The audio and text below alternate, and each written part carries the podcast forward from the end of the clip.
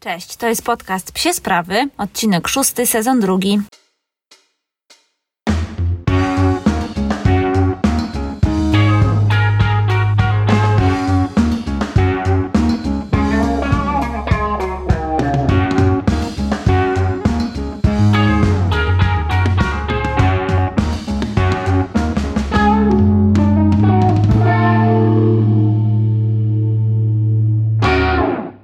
Ostatnio e, bardzo dużo czasu poświęcam na naukę, bo tak jak wiecie, e, zaczęłam kurs instruktora fitnessu dla psów w Animal Active w Warszawie. Już Wam trochę mówiłam o tym, że paruje mi głowa od wiedzy, e, którą Paula przekazuje i, i że naprawdę jestem mega zadowolona z tego, że jestem na tym kursie.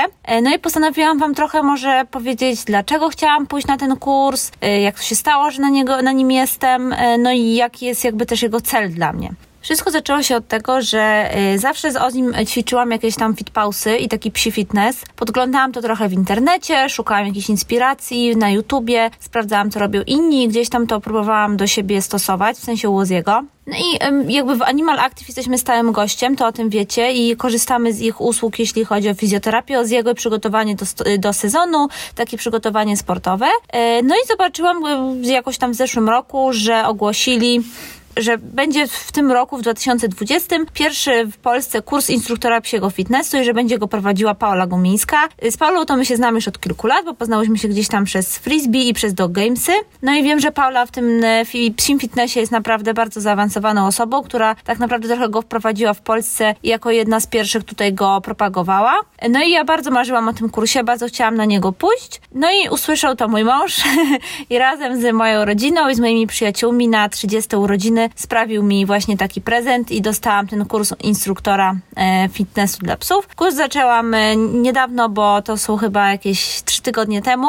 Miałam dwa zjazdy, które są naprawdę fascynujące. E, były fascynujące i to, czego się dowiedziałam, to nie jest w ogóle w ogóle ten kurs, muszę dziewczynom powiedzieć z Animal Active, że on nie powinien się nazywać tak do końca kurs instruktora fitnessu dla psów, bo on porusza tak szerokie zagadnienia związane z ogólnym przygotowaniem psa do wysiłku fizycznego, do treningów, takim naprawdę ogólnorozwojowym przygotowaniem pieska, że no powinien mieć na pewno jakąś szerszą nazwę, bo obejmuje szerszą tematykę, jest naprawdę wyjątkowym zbiorem wiedzy, którego nie znajdziecie w żadnej książce, którego nie znajdziecie też jakby mm, w internecie, nie znajdziecie go w żadnych opracowaniach. Myślę też, że gdybyście się nawet udali do jakiejś jednej osoby, to byście go nie znaleźli. Po prostu Paula jest taką wyjątkową osobą, która łączy w sobie nie tylko tą fizjoterapię i pracę z psami, ale Paula jest też fizjoterapeutą ludzkim i jest, y, skończyła na AWF-ie taki trenerski kierunek, więc ona też jest specjalistą od ludzkiego fitnessu. Więc y, ona też bardzo dużo nam mówi o teoriach ludzkich, które przekłada na psie,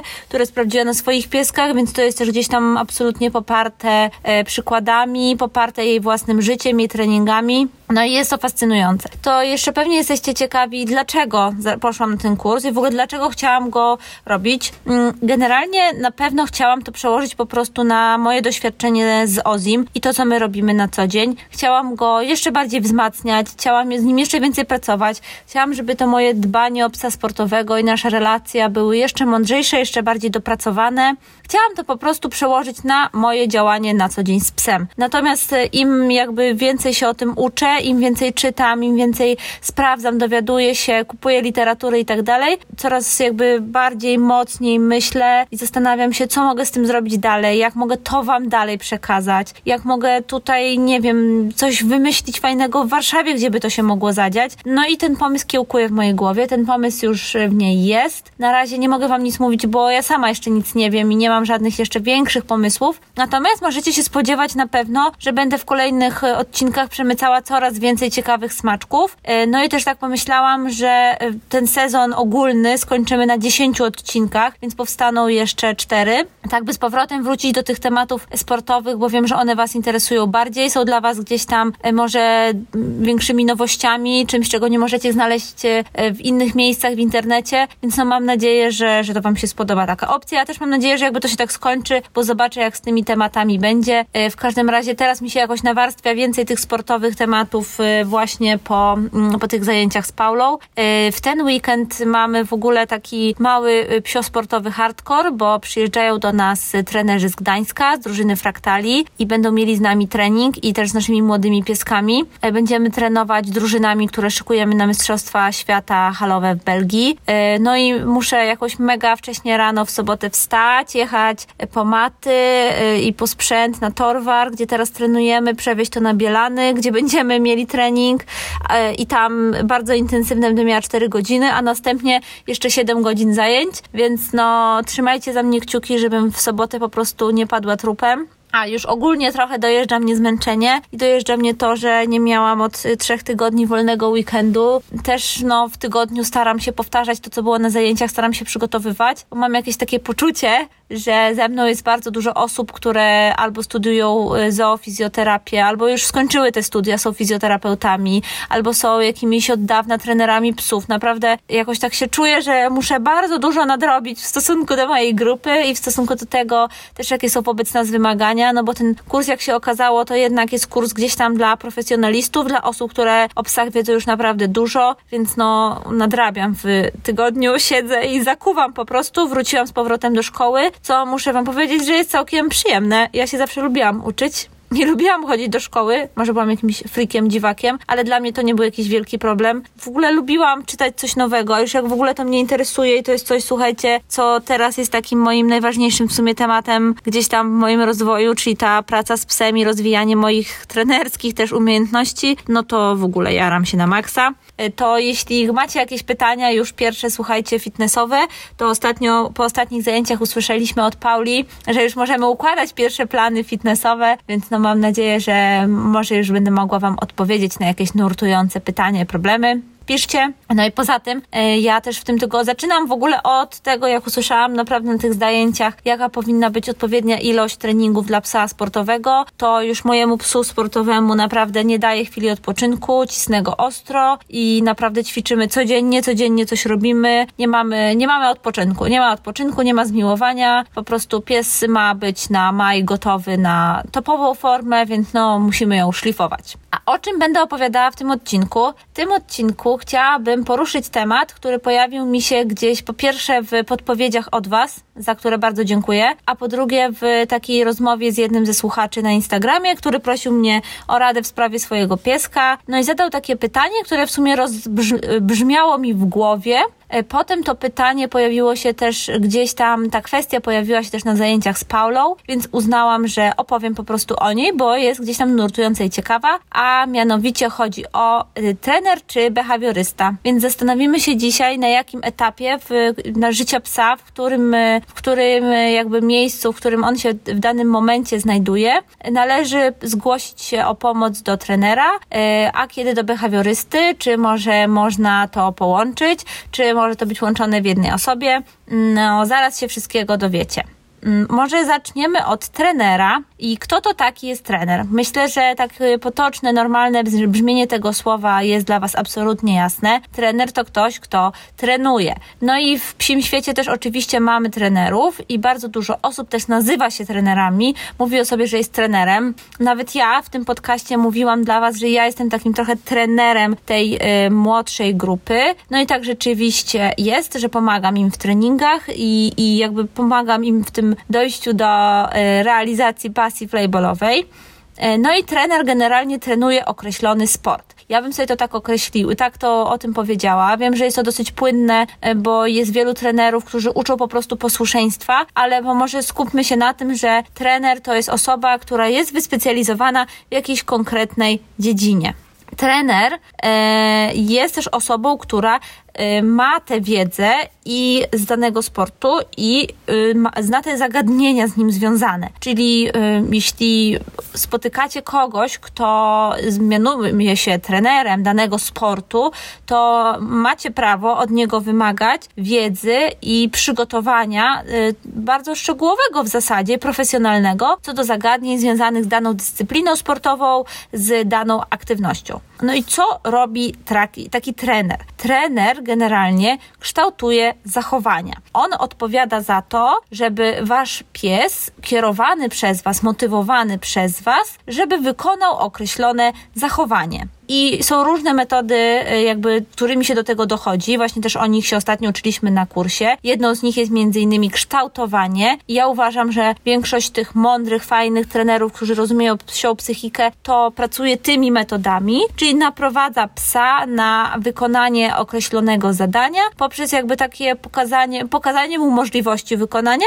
i następnie nagrodę, jeśli on wykona je dobrze. Trenerzy także uczą samokontroli. To jest jakby taka już węższa dziedzina, ale chodzi bardziej o to, że przy trenerach, takich trenerach ogólnego posłuszeństwa powiedzmy, oni zajmują się tym, żeby wasz e, pies potrafił w pewnych sytuacjach no po prostu zachować samokontrolę, czyli potrafić kontrolować swoje emocje, e, swoje gdzieś tam przeżycia, też takie swoje jakby pociągi, jakby mógł powiedzieć, bodźce, e, które z niego gdzieś tam wychodzą i które jakby chcemy, chcemy gdzieś tam kontrolować. Może jakoś się zapętliłam w tej kontroli, mam nadzieję, że zrozumieliście. Oprócz tego trenerzy uczą też na przykład sztuczek i komend. To też jest coś, czego uczy trener. Jest bardzo dużo takich, takich kursów dla szczeniaków czy dla młodych psów, no ale też nie tylko także dla dorosłych, które polegają właśnie na nauce sztuczek, nauce komend. I taką osobę, która wykonuje, dokonuje takiego treningu, która pokazuje, jak to z psem robić, też możemy nazwać y, trenerem. Oprócz tego, taką ważną y, cechą, o której mówimy przy trenerze, jest na pewno to, że on motywuje psa. Mm, czyli on ma y, się wykazać takim zespołem cech i takim zespołem zachowań, które sprawią, że nasz piesek wykona daną czynność. I taki trener musi wiedzieć, jak z psem pracować, musi wiedzieć, co tego psa motywuje, no bo bez motywacji nie ma, że tak powiem, reakcji, nie ma akcji u psa. Pies, który nie chce czegoś zrobić, po prostu tego nie zrobi. A jeśli y, jest przy tym kierowany strachem, no to myślę, że w ogóle tu nie możemy mówić o trenerze, ale o osobie, która nad zwierzęciem się po prostu znęca. Dla mnie to jest sprawa absolutnie jasna z tego co wiem i z tego co obowiązuje aktualnie w Polsce, żeby obwołać się trenerem, nie trzeba mieć żadnego kursu specjalistycznego, specjalnego. Nie trzeba mieć żadnego wykształcenia. Co więcej, szczerze mówiąc, to nie trzeba mieć nawet żadnego przygotowania. Właściwie ja teraz mogłabym wyjść sobie przed blog, powiedzieć, że jestem trenerem psich sztuczek, psich komend, no i zapraszam do mnie na kurs. Słuchajcie, to później ten kurs, to wy, szukając takiego trenera, weryfikujecie jakby, czy to rzeczywiście się sprawdza i że ten trener rzeczywiście ma te wszystkie umiejętności trenerskie, można tak powiedzieć. Więc tutaj nie ma żadnego takiego kursu, który stwierdzi, ok, ten jest trenerem, a ten nie, ale z drugiej strony są kursy trenerskie, czyli są kursy, które pokazują wam zespół umiejętności, które należy do tego mieć, które wam te umiejętności przekazuje, przekazuje wam wiedzę i tak dalej, więc no, mm, jakby można sobie zdobyć taki papier, który jakby warunkuje to, że jesteście certyfikowanym trenerem, natomiast nie ma w Polsce żadnego prawa, który mówi, że ta pani się może nazywać trenerką, a ta pani nie. To tylko tak dla jasności formalność. I ja uważam generalnie, że bycie trenerem to jest kwestia talentu i to kwestia ogromnego talentu. Trzeba też dojrzeć do takiego jakiegoś momentu samemu ze sobą, w którym trzeba sobie powiedzieć, czy ja mam zespół umiejętności, które są potrzebne do tego, żeby być trenerem. Bo należy pamiętać, że trenując psy, to tak naprawdę trochę trenujemy ludzi i pracujemy z ludźmi. Więc nawet jeśli pracujesz z psami i psy są twoją wielką pasją i wychodzi ci na przykład ze swoimi psami ta praca, to no nie powiedziane niestety, że praca z ludźmi będzie dla ciebie równie łatwa i równie przyjemna i równie efektywna. Ja jakby z wieloma już trenerami miałam do czynienia i mam do czynienia na co dzień i widziałam takich trenerów, którzy powinni być w tej roli i tych, którzy nie powinni i wydaje mi się, że to jest kwestia tego talentu. To jest kwestia kwestia jakiegoś takiego, kwestia jakiejś takiej iskry, z którą człowiek się rodzi i którą może przekazywać dalej innym i ona zaraża i ona jakby zaraża właśnie miłością do tego sportu, pasją do tej pracy z psami. No więc to jest taki, taki, taki, takie moje zdanie. Możecie się oczywiście z tym nie zgodzić. Myślę, że to może być trochę kontrowersyjne, ale trener nie wpływa w taki bezpośredni sposób na relacje psa z innymi ani z tobą. No bo tu mi się wydaje, że już wchodzi behawiorysta, behawio, zachowanie yy, i zaraz o tym powiem. Natomiast trener to jest osoba, która ma wyuczyć zachowania. I gdzieś tam, jeśli mamy ten podział po, jakoś tam postawić bardzo sztywno, to to jest bardziej takie zachowanie, które pies wykazuje sam ze sobą, jeśli można tak powiedzieć, yy, czyli no, tradycyjne komendy, sztuczki, sporty yy, i tak dalej. Natomiast trener to nie jest osoba, która pracuje na zachowaniach i problemach psa. Ale tym, jak patrzę, jak dzisiaj wyglądają różne szkoły, różne psie przedszkola, miejsca i tak dalej, te funkcje się niezwykle często łączą. Naprawdę niezwykle często i bardzo często behawioryści są trenerami, trenerzy behawiorystami, więc to jest często bardzo, bardzo połączone. No to może zastanówmy się, kim jest ten, taki, ten behawiorysta. Może zacznę od tego, i to jest właściwie dla mnie absolutnie kluczowe, jeśli chodzi o behawiorystów w Polsce i chciałabym, żeby to wybrzmiało po prostu najsilniej jak się da. Mam nadzieję, że to podkreślę w poście i jeszcze będę o tym mówiła, że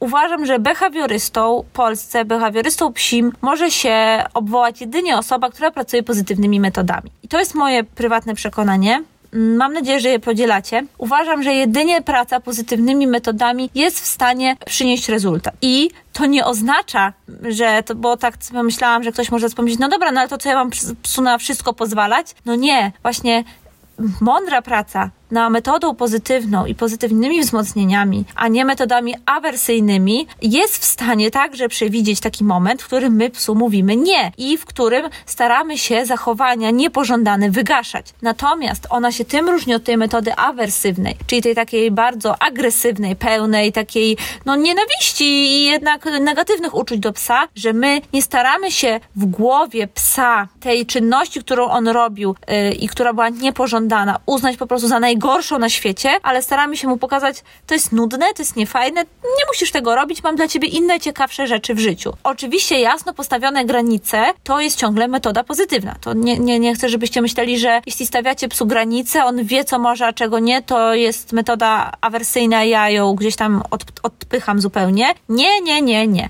Metoda pozytywna chodzi, e, wchodzi w niej o to, że wzmacniamy pozytywne zachowania, wygaszamy negatywne, natomiast robimy to w mądry i naprawdę spokojny, pełen zrozumienia dla psiej psychiki sposób. No dobra, więc powiedziałam, behawiorysta, tylko pozytywne metody. To jest taka jakby przestroga dla, dla Was, że jeśli będziecie szukać behawiorysty i zobaczycie na jego zajęciach kolczatki, obroże elektryczne, chociaż to nie wykluczam, to też na koniec powiem, nie wiem, bicie psów, krzyczenie na nie, jakieś takie naprawdę niezwykle agresywne, pełne nienawiści metody, to uciekajcie, gdzie pieprz rośnie, piszcie do mnie. Ja ostatnio też pomogłam we Wrocławiu znaleźć jednemu z moich słuchaczy behawiorystę, więc myślę, że pomożemy. Ok, no jeśli chodzi o behawiorystę, no to już tutaj ta sprawa, jeśli chodzi o takie przygotowanie merytoryczne, nie jest taka prosta, bo y, tutaj wchodzimy bardzo głęboko w psychikę. No tak jak moglibyśmy powiedzieć, że y, no trener, nawet taki dla ludzi, który powiedzmy trenuje bieganie, y, nie jest w stanie zaszkodzić człowiekowi, jeśli jakoś tam go źle pokieruje, mm, jeśli chodzi o jego trening. Najwyżej ten trening będzie nieefektywny. Natomiast tu i tak samo jest właśnie z z przełożeniem na psiego psychologa, psychiatrę, który y, jakby źle prowadząc pacjenta może wyrządzić ogromną krzywdę w jego psychice, to tak samo jest z psami. Ja jakby uważam, że w zawodzie behawiorysty stuprocentowo konieczne jest przygotowanie merytoryczne. Tutaj mam, y, mówię o kursach, szkoleniach, o różnych seminariach, które odbywają się, których jest coraz więcej, które mądre, fajne szkoły prowadzą. Ja uważam, że bez przygotowania merytorycznego no, behawiorysta nie powinien z obcym psem właściwie właściwie nawet wychodzić na spacer, jeśli chce z nim oczywiście pracować jako behawiorysta. No i co robi taki behawiorysta? Pewnie jest to dla Was też już znane i jasne. Behawiorysta dba o psychikę psa. Dba o jego kontakty z innymi psami, otoczeniem, ludźmi.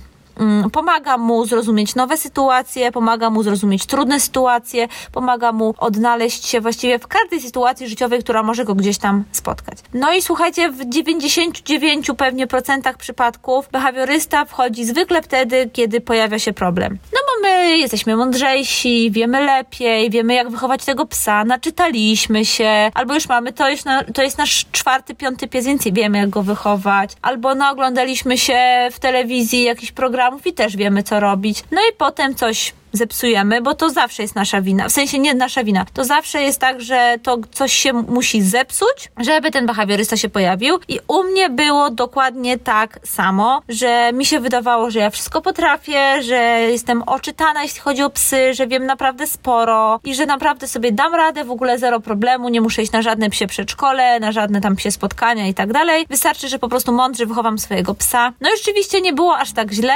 y, aż do czasu, kiedy Ozzy w trakcie biegu biegu został y, ugryziony, sam się odgryzł, sytuacja skończyła się bardzo źle i od tamtej pory zaczęły się wszystkie nasze problemy behawiorystyczne. Może teraz tylko Wam powiem, że y, nie wiem jeszcze, czy w tym cyklu, czy w tym sezonie, ale na pewno zrobię odcinek o problemach behawiorystycznych Oziego, y, które są dosyć spore. Teraz już są, że tak powiem, wygaszone, natomiast przez długi czas, przez trzy lata walczyliśmy z nimi naprawdę bardzo, bardzo proaktywnie, więc o tym chcę Wam opowiedzieć, dlatego dzisiaj tylko to zajawiam, jakby jak wyglądała nasza sytuacja, że u nas było dokładnie tak samo, że po prostu yy, pojawił się problem i wtedy krzyknęliśmy do behawiorysty hey hello, pomóż. Na szczęście pojawiła się Magda w naszym życiu, która teraz jest naszym dobrym duchem i jest y, taką wspaniałą osobą w naszym życiu, do której zawsze się zgłaszamy, jak mamy jakieś pytania i problemy. No i też jest po prostu moją koleżanką, z którą mam świetny kontakt i, i w ogóle, którą pozdrawiam. Magda, może mnie teraz słuchasz między karmieniem, spacerem, a, a,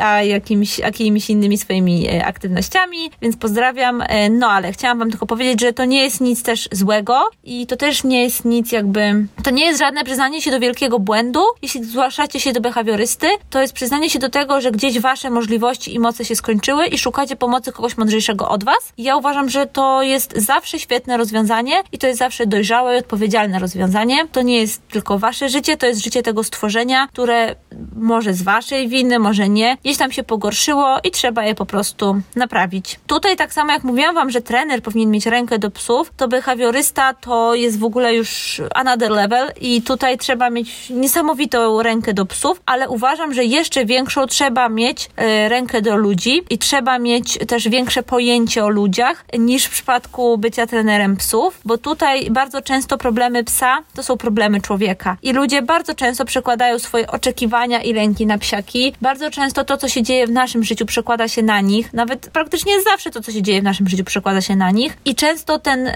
behawiorysta najpierw musi naprawdę stoczyć bardzo dużą taką psychologiczną walkę z właścicielem, z człowiekiem, zanim przejdzie do naprawiania pomocy temu psiakowi.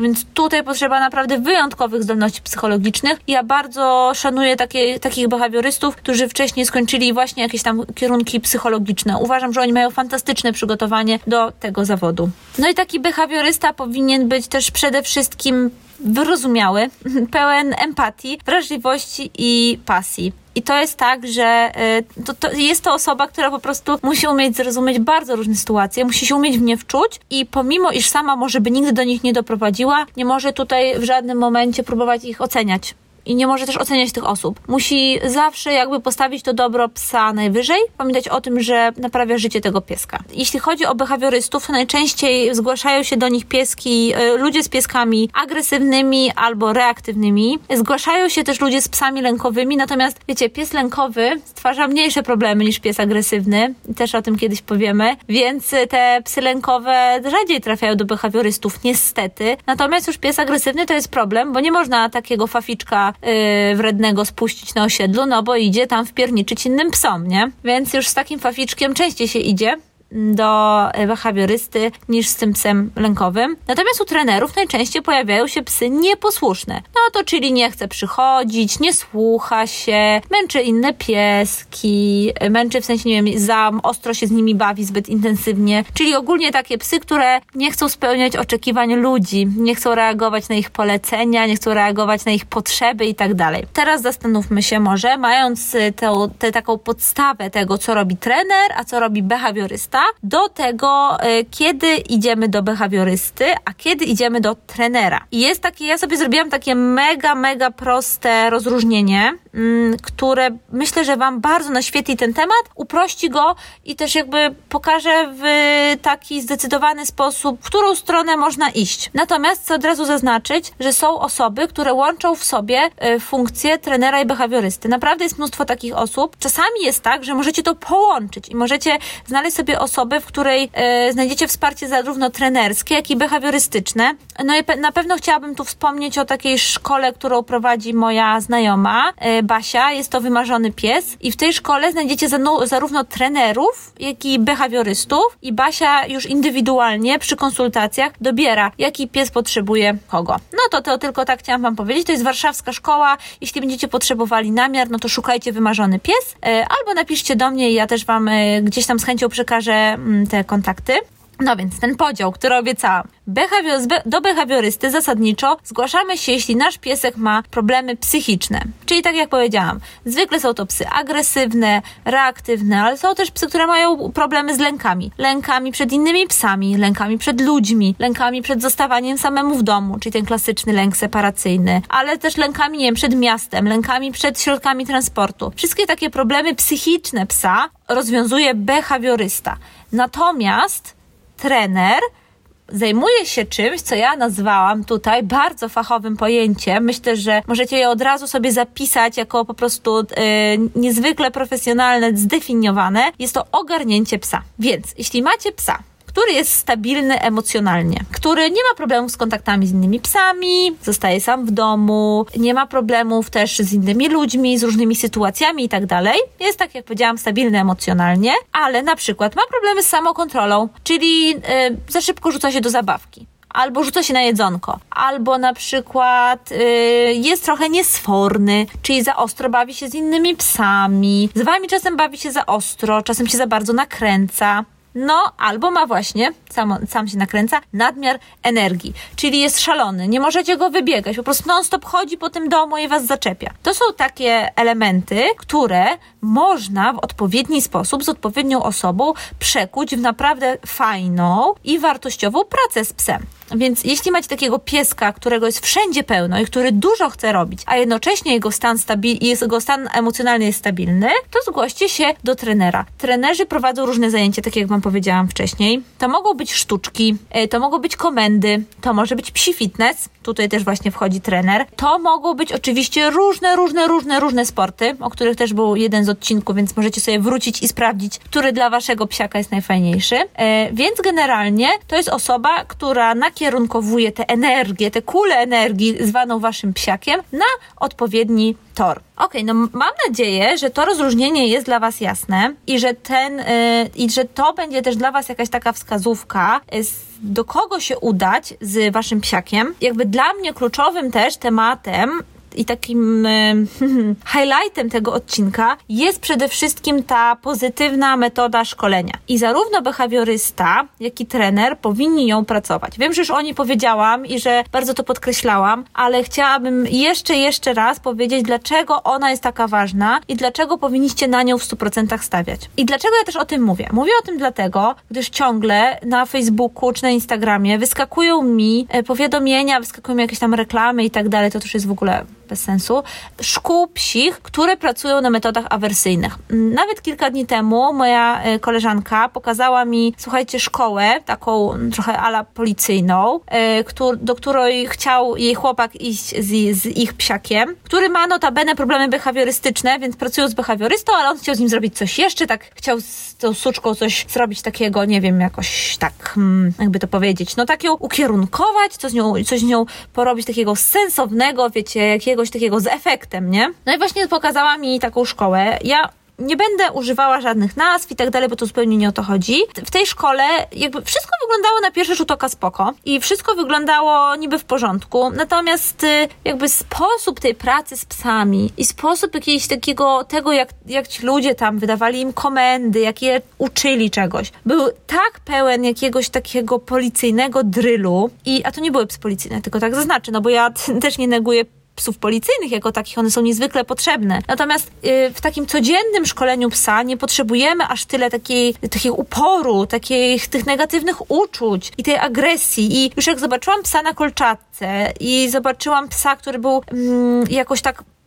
słuchajcie, to było tak, że pan przechodził z jednym psem obok drugiego psa i jak ten, jak ten patrzył na tam, nawet patrzył, nie to, że on tam szczekał na niego czy coś, tylko jak tylko patrzył na drugiego psa, to pan go tak mocno ciągnął i tak zauważyłam to wprawnym okiem, że odpychał go kolanem tak w głowę, tak wiecie, no tak lekko kolanem jakby, no nie kopał, ale wiecie, no przesuwał go. Ja bardzo nie lubię takich akcji i nie lubię bardzo takiej pracy z psem, nie lubię takiego wymuszania takich tych zachowań, no bo to ten kolo sobie wymyślił, że jego pies ma nie patrzeć na innego psa, więc no, nie wiem, słuchajcie, strasznie mnie to wkurzyło, to też mnie do tego odcinka zainspirowało, więc na koniec jako taką klamrę, chciałabym Wam powiedzieć, dlaczego nie wierzę w metody awersyjne i dlaczego wierzę, jedyne, wierzę jedynie w pozytywne szkolenie psa. Obiecuję, że to będzie krótkich kilka punktów, które mam nadzieję przydadzą się Wam do pełnego zrozumienia tematu. A więc po pierwsze, strach nie jest podstawą relacji z psem. Pies to jest Wasz przyjaciel, a nie jest Wasz podwładny. Pies to nie jest żołnierz, a Wy nie jesteście tutaj sierżantem, który ma mu wydawać polecenia. Wy jesteście przyjacielem psa, jesteście częścią jego rodziny, częścią jego watachy i macie być po prostu z nim najlepszymi kumplami, a nie, to ma, nie ma być relacja po prostu student y, i wykładowca, w której pies ma robić wszystko tak, jak wy powiecie, w tym momencie, w którym powiecie i tak, jak wy chcecie to nie znaczy, że nie warto do tego dążyć. Warto dążyć do tego, żeby to wszystko było rzeczywiście wykonywane tak, jak Wam się podoba, natomiast na zasadzie przyjaźni i pozytywnej relacji, prawda? Druga rzecz. Właśnie. Zrozumienie i zaufanie są podstawami relacji z psem. Y, chodzi o to, że jeśli wy będziecie w stanie zbudować tą nić porozumienia i tego, żeby pies wam ufał, to on, słuchajcie, po pewnym czasie będzie robił z wami naprawdę takie sztuczki, które są dla niego trudne, albo które nawet sprawiają mu jakiś tam dyskomfort, ale będzie to robił dla was, bo wam ufa, bo chce z wami to robić, bo wie, że go rozumiecie. Po trzecie, to już powiedziałam trochę w punkcie pierwszym, ale zaznaczę jeszcze raz, pies nie jest waszym podwładnym. Nie dostaliście psa, ani go nie kupiliście po to, żeby mieć służącego, prawda? Ani nie wiem jakiegoś, no, no po prostu służącego, tylko dostaliście przyjaciela, to jest wasz kumpel. Ej, halo, pamiętajcie o tym generalnie trenując z psami, jasne? Kolejny punkt. Pracując na strachu, nigdy nie dojdziecie do sedna problemu, a tylko wywołacie nowe. Więc jeśli, chodzi tutaj głównie już o te problemy psa przy terapii behawioralnej, behawiorystycznej, jeśli będziecie starali się wyeliminować zachowanie psa jedynie bazując na strachu, tak jak to robi po prostu yy, nieodżegnany yy, Cezar Milian, to będziecie wywoływać coraz większe problemy. I pies oczywiście tamten problem się ukryje. Mm, jasne, pies nie będzie się rzucał na inne, jak będziecie go za każdym razem tam, nie wiem co on robi, on tak chyba je tryka, nie? Jakoś takie po prostu tam szczypie, coś takiego. Tylko on się będzie bał was. I po pewnym, yy, po pewnym czasie on już będzie się tak was bał, że no nie wiem, może nawet zaatakować was. To się może zdarzyć. I ostatnia rzecz to jest to, o czym też wspominałam już w tym podcaście, ale co jeszcze na koniec podsumuję. Metoda pozytywna to także umiejętność mądrego mówienia nie. Czyli to nie jest tak, że metodzie pozytywnej pozwalamy psu na wszystko, on sobie może jeść ze stołu, yy, gryźć nasze buty i w ogóle obsikiwać wszystkie koła samochodów napotkanych, ale chodzi o to, żeby przekierowywać psa, a nie go a nie jakby odstraszać. Oczywiście zachowania negatywne nie mogą być nagradzane, to jest chyba jasne, nagradzane mogą być dobre zachowania, natomiast najważniejsze jest przekierowanie zainteresowania psa i yy, sprawienie, że te czynności złe przestaną być dla niego w ogóle interesujące. Okej, okay. chciałabym Wam e, bardzo podziękować e, jeszcze raz, bo chyba to nie wybrzmiało na początku tego odcinka, za inspirację do kolejnych. Na pewno z nich skorzystam, bo są e, rewelacyjne. W ogóle dzięki, kochani, jesteście super. No i zapraszam Was za tydzień na kolejny odcinek. Jeszcze nie wiem, czego będzie dotyczył, bo to zwykle mi się klaruje około poniedziałku, ale na pewno będziecie mieli kolejną relację z, mm, z mojego kursu, będziecie mieli relację z treningu. No i też zapraszam Was na Insta Stories w sobotę. Mam nadzieję, że będę miała w ogóle siłę witalną, żeby tam dla Was ponagrywać. No to dzięki jeszcze raz za odsłuchanie mojego odcinka i do usłyszenia za tydzień. Cześć!